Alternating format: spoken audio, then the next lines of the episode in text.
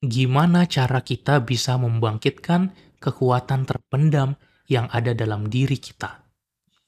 Mari kita bahas langkah-langkahnya di episode kali ini. Halo, selamat datang di podcast Cerita Pembelajar. Kamu akan mendengarkan cerita mengenai pengalaman, gagasan, dan pembelajaran. Cerita Pembelajar Season 11 Great Book Ideas. Insight buku pengembangan diri yang akan mengubah hidupmu.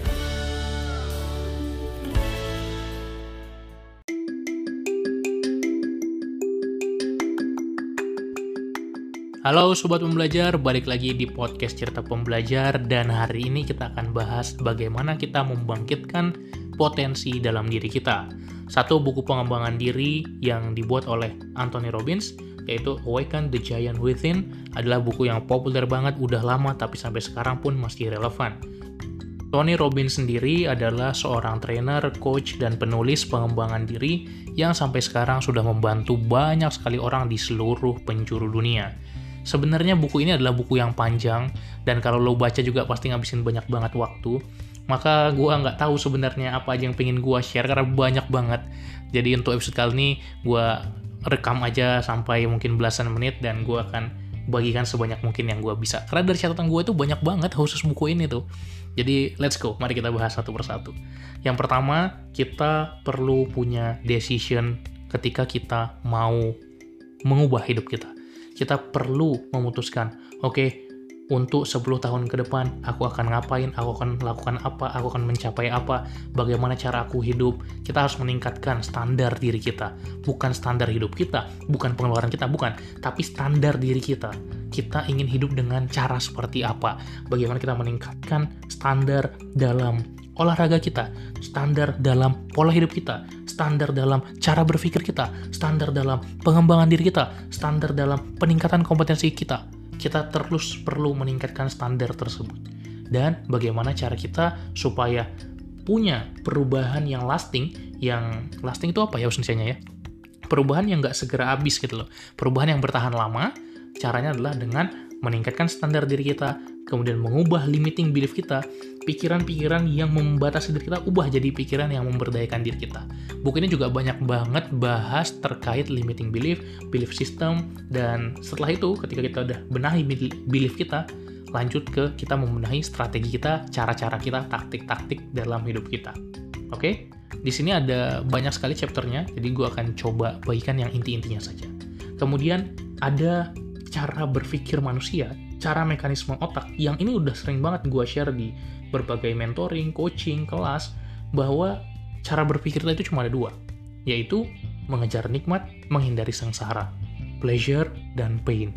Jadi ketika kita mau membuat perubahan dalam diri kita, ya udah kita fokus kedua hal ini aja. Jadi, kalau kita masih belum juga take action, cara untuk membuat perubahan adalah coba tuliskan daftar hal-hal yang kita tunda-tunda terus. Yang kita udah tahu kita harus lakukan, tapi nggak kunjung kita lakukan. Oke, okay? Di masing-masing action tersebut kita tuliskan ya, kenapa aku nggak juga take action di sini? Apa yang membuat aku tidak mulai action? Kemudian kita tuliskan, kalau aku berhasil melakukan tugas ini, kegiatan-kegiatan ini, hal-hal penting ini, apa manfaat yang akan aku dapatkan nanti? Jadi pleasure-nya, kenikmatan apa yang aku rasakan kalau aku berhasil. Terus kita tuliskan juga di bawahnya, kalau aku tidak melakukannya, maka kesengsaraan apa aja yang akan aku rasakan. Kalau aku gagal, kalau aku fail, aku nggak mengubah juga hidupku, apa kesengsaraan yang akan aku dapatkan. Jadi tadi ada pleasure, ada pain yang kita tuliskan keduanya. Kemudian tentang belief system, kita harus punya sistem cara berpikir yang benar-benar powerful. Sistem kepercayaan adalah kekuatan yang bisa menghasilkan banyak hal dan menghancurkan banyak hal juga. Jadi, hidup kita itu semua berawal dari pikiran kita. Mulai dari apa yang kita pikirkan berpengaruh ke apa yang kita ucapkan, berpengaruh juga apa yang kita ucapkan ke apa yang kita lakukan. Yang kita lakukan berpengaruh ke kebiasaan, kebiasaan berpengaruh ke karakter, dan karakter itulah yang menentukan nasib diri kita.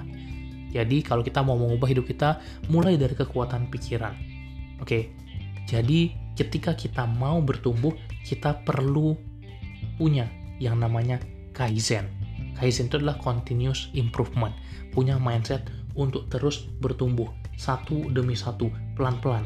Kalau istilah Tony Robbins itu kalau istilah C-A-N-I ya, Chani, continuous, continuous, and never ending improvement. Nah, kalau istilah Jepangnya Kaizen. Jadi kita perlu punya praktik-praktik yang terus mengembangkan diri kita. Kemudian bagaimana cara kita benar-benar berubah dan bisa mengubah apa pun dalam hidup kita adalah menggunakan neuroassociative conditioning. Jadi pengondisian diri kita berdasarkan konsep-konsep dalam NLP. NLP itu adalah Neuro Linguistic Programming. Jadi ketika kita benar-benar paham neuroscience, paham bagaimana cara kita nge-rewire otak kita, nge-program ulang pikiran kita, kita bisa berubah secara drastis. Dan gue udah ngerasainnya, gue juga udah ngambil sertifikasi untuk jadi master practitioner di bidang NLP dan ngerasain itu bisa membantu sekali mengubah diri gue dan mengubah orang lain juga. Caranya adalah dengan melihat pola apa yang ada dalam diri kita. Kalau misalnya kita punya habit buruk atau terus-menerus kembali ke posisi kita semula, nggak membuat pertumbuhan-pertumbuhan dalam hidup kita, kita lihat polanya apa, dan kita ubah pola tadi, kita disrupsi pola tadi. Misalnya polanya adalah aku di rumah terus dan kemudian gak semangat, terbahan terus, main sosmed. Mungkin kita bisa sederhana mengubah polanya dengan mencari tempat baru, mencari ruang baru untuk kita bisa kerjanya produktif. Itu hal contoh sederhananya ya. Tapi kita coba memprogram diri kita tergantung bagaimana cara kita berpikir. Ketika misalnya kita gagal, kita mungkin akan menyalahkan. Kalau aku gagal, aku gak bisa berhasil, itu sebenarnya karena apa? Oh mungkin karena aku nggak mencoba. Oh kenapa nggak mencoba? Karena aku sudah sering mencoba tapi gagal. Dan akhirnya aku yakin aku tidak punya bakat di sini. Kenapa aku nggak bakat? Karena dari kecil aku memang nggak punya bakat apa pun. Kenapa nggak bisa? Karena aku tidak punya kesempatan. Orang lain punya privilege aku nggak. Dan akhirnya berputar di situ terus. Nah ketika kita udah lakukan itu berkali-kali gagal kita kepikiran hal yang sama maka saatnya kita menginterupsi pattern tadi pola tadi Oke, di mana pattern harus kita interupsi? Ketika kita merasa gagal, berarti kita coba ubah pola pikirnya menjadi, oh aku gagal, aku nggak punya bakat. Eh, tunggu dulu. Jangan-jangan aku gagal bukan karena aku nggak punya bakat, tapi karena aku tidak mencoba. Atau mungkin karena aku tidak tahu caranya. Maka saatnya sekarang aku mencari caranya. Atau mungkin aku belum punya skillnya. Sekarang saatnya aku belajar skillnya. Jadi bagaimana cara kita memprogram otak kita adalah melihat pola-pola apa yang ada dalam otak kita, dalam pikiran kita, cara berpikir kita, dan menginterupsi polanya saat dia udah masuk ke negatif. Nah, ini kita memang perlu belajar lagi, memang perlu mendetailkan lagi daftar pikiran yang ada di otak kita. Kalau menuliskan daftar pikiran kita, pola pikir kita membantu, maka tuliskan. Dan kita bisa tahu di mana ini yang salahnya. Dan kita mulai solve dari sana. Nah, itu kekuatan neuroscience atau istilahnya neuroassociative conditioning. Jadi kita pengondisian cara berpikir kita, cara otak kita bekerja. Kemudian kita juga perlu mencoba memperhatikan bagaimana kekuatan-kekuatan pikiran yang ada dalam diri kita. Pikiran kita akan beroperasi dengan kekuatan state gitu ya atau kondisi dari emosi dan mental kita, kemudian dengan vocabulary atau daftar kosakata yang kita gunakan dan juga pertanyaan-pertanyaan yang kita munculkan. Oke, gue akan fokuskan ke pertanyaan. Orang-orang yang sukses itu pasti orang-orang yang menanyakan pertanyaan yang lebih berkualitas dan akhirnya menemukan jawaban yang lebih berkualitas juga. Ketika kita bertanya, kenapa ya gue selalu sedih? Kita ubah menjadi gimana caranya gue bisa bahagia. Berbeda pertanyaannya, tapi sesederhana mengubah dari gimana, sorry, dari kenapa menjadi gimana. Itu udah mengubah banyak hal. Dari kenapa gue sedih menjadi gimana caranya gue gak sedih lagi, gue bisa bahagia. Itu udah membuat kita mencari jawaban yang berbeda juga maka berlatih memberikan pertanyaan yang tepat. Contoh simpelnya adalah mengubah mengapa menjadi bagaimana, kenapa jadi gimana. Ketika kita gagal, jangan tanyakan, kenapa ya gue gagal? Tapi tanyakanlah ke diri kita, gimana caranya biar gue sukses untuk kesempatan berikutnya. Ketika kita menanyakan ke diri kita, kenapa ya gue nggak bisa ngomong sama orang lain, public speakingnya susah, tanyakan, ubah Kenapa jadi gimana? Gimana caranya supaya gue bisa public speaking? mengubah pertanyaan dari kenapa menjadi gimana, itu akan mengubah pikiran kita dari limiting belief yang membatasi diri kita menjadi empowering belief yang memberdayakan pikiran kita. Kita juga bisa memvariasikan vocabulary atau kosakata yang kita gunakan. Apa sih kata-kata yang sering kita ucapkan dalam keseharian kita? Itu menandakan kualitas dari pikiran kita. Kita banyak menggunakan kata-kata yang positif atau kata-kata yang negatif. Satu contoh sederhana adalah ketika ada orang tanya ke gue, Mar apa kabar? Jarang sekali gue akan menjawab dengan baik saja atau sehat saja. Gue coba mengubah kata-kata gue menjadi, apa kabar Mar? Luar biasa atau apa kabar? Penuh semangat atau apa kabar? Sangat tertarik menjalani hari. Hal-hal yang membuat kita berubah cara pikirnya bisa kita program dengan mengubah kata-kata kita, vocabulary kita. Kosakata yang kita gunakan tuh berpengaruh terhadap cara pikir kita juga. Jadi itu juga membantu. Kemudian banyak lagi sebenarnya yang dibahas. Tapi gue bingung nih, pilih yang mana ya sebetulnya ya. Ada banyak sekali. Mungkin gue akan tutup dengan dua lagi ya. Yang pertama adalah life values. Oke, jadi kita perlu tahu betul apa yang penting buat diri kita. Apa yang kita mau kejar dalam hidup ini. Banyak orang yang nggak tahu value dalam hidupnya apa. Ya udah, akhirnya ngikutin flow aja dan nggak benar-benar mencapai apa yang dia inginkan. Setiap orang punya value yang berbeda-beda. Sebagai contoh, value dalam hidup gue ada learning, integrity, dan freedom. Gue seneng banget belajar hal baru dan membagikannya ke orang lain. Bikin podcast seperti ini. That's my values. Jadi gue akan cari karir yang bisa membuat gue belajar dan mengajar. Upgrade diri dan upgrade orang lain. Value gue juga adalah freedom bebas bisa kerja di mana aja, kapan aja. Meskipun mungkin ketika gue baru memulai karir akan lebih banyak uang yang gue peroleh kalau gue kerja sebagai employee, sebagai engineer, tapi ya gue memilih untuk gue pengen bebas, gue nggak pengen terikat, gue pengen lakukan apa yang gue mau dan bebas berkarya. Ya udah itu yang gue lakukan. Value gue juga integrity. Bagaimana apa yang gue share, apa yang gue ajarkan ke orang lain, gue juga sebisa mungkin harus 100% melakukannya. Oke, dan kemudian satu lagi yang terakhir, bagaimana kita punya self identity. Bagaimana kita membuat identitas dalam diri kita. Apa yang kita percayai untuk diri kita. Terkadang perubahan diri seseorang yang mengakibatkan perubahan hidup seseorang dimulai dengan mendefinisikan identitas baru buat dirinya. Kalau lo mau berubah mulai dari self identity, gue udah berkali-kali berkali-kali membuktikan ini berhasil. Self identity atau identity shift itu gimana? Jadi ketika gue mulai baca buku, gue sulit sekali untuk membentuk habitnya. Kebiasaan itu sulit sekali untuk dibentuk. Kenapa? Karena ternyata gue sadari dalam pikiran gue masih membekas, gue nggak suka buku, gue nggak suka baca, gue nggak seneng baca buku. Dan tertanam itu udah lama sekali. Gue ngerasa, ya kan belajar bisa dari mana aja, dengerin podcast kayak gini, atau kemudian nonton video dan lain-lain.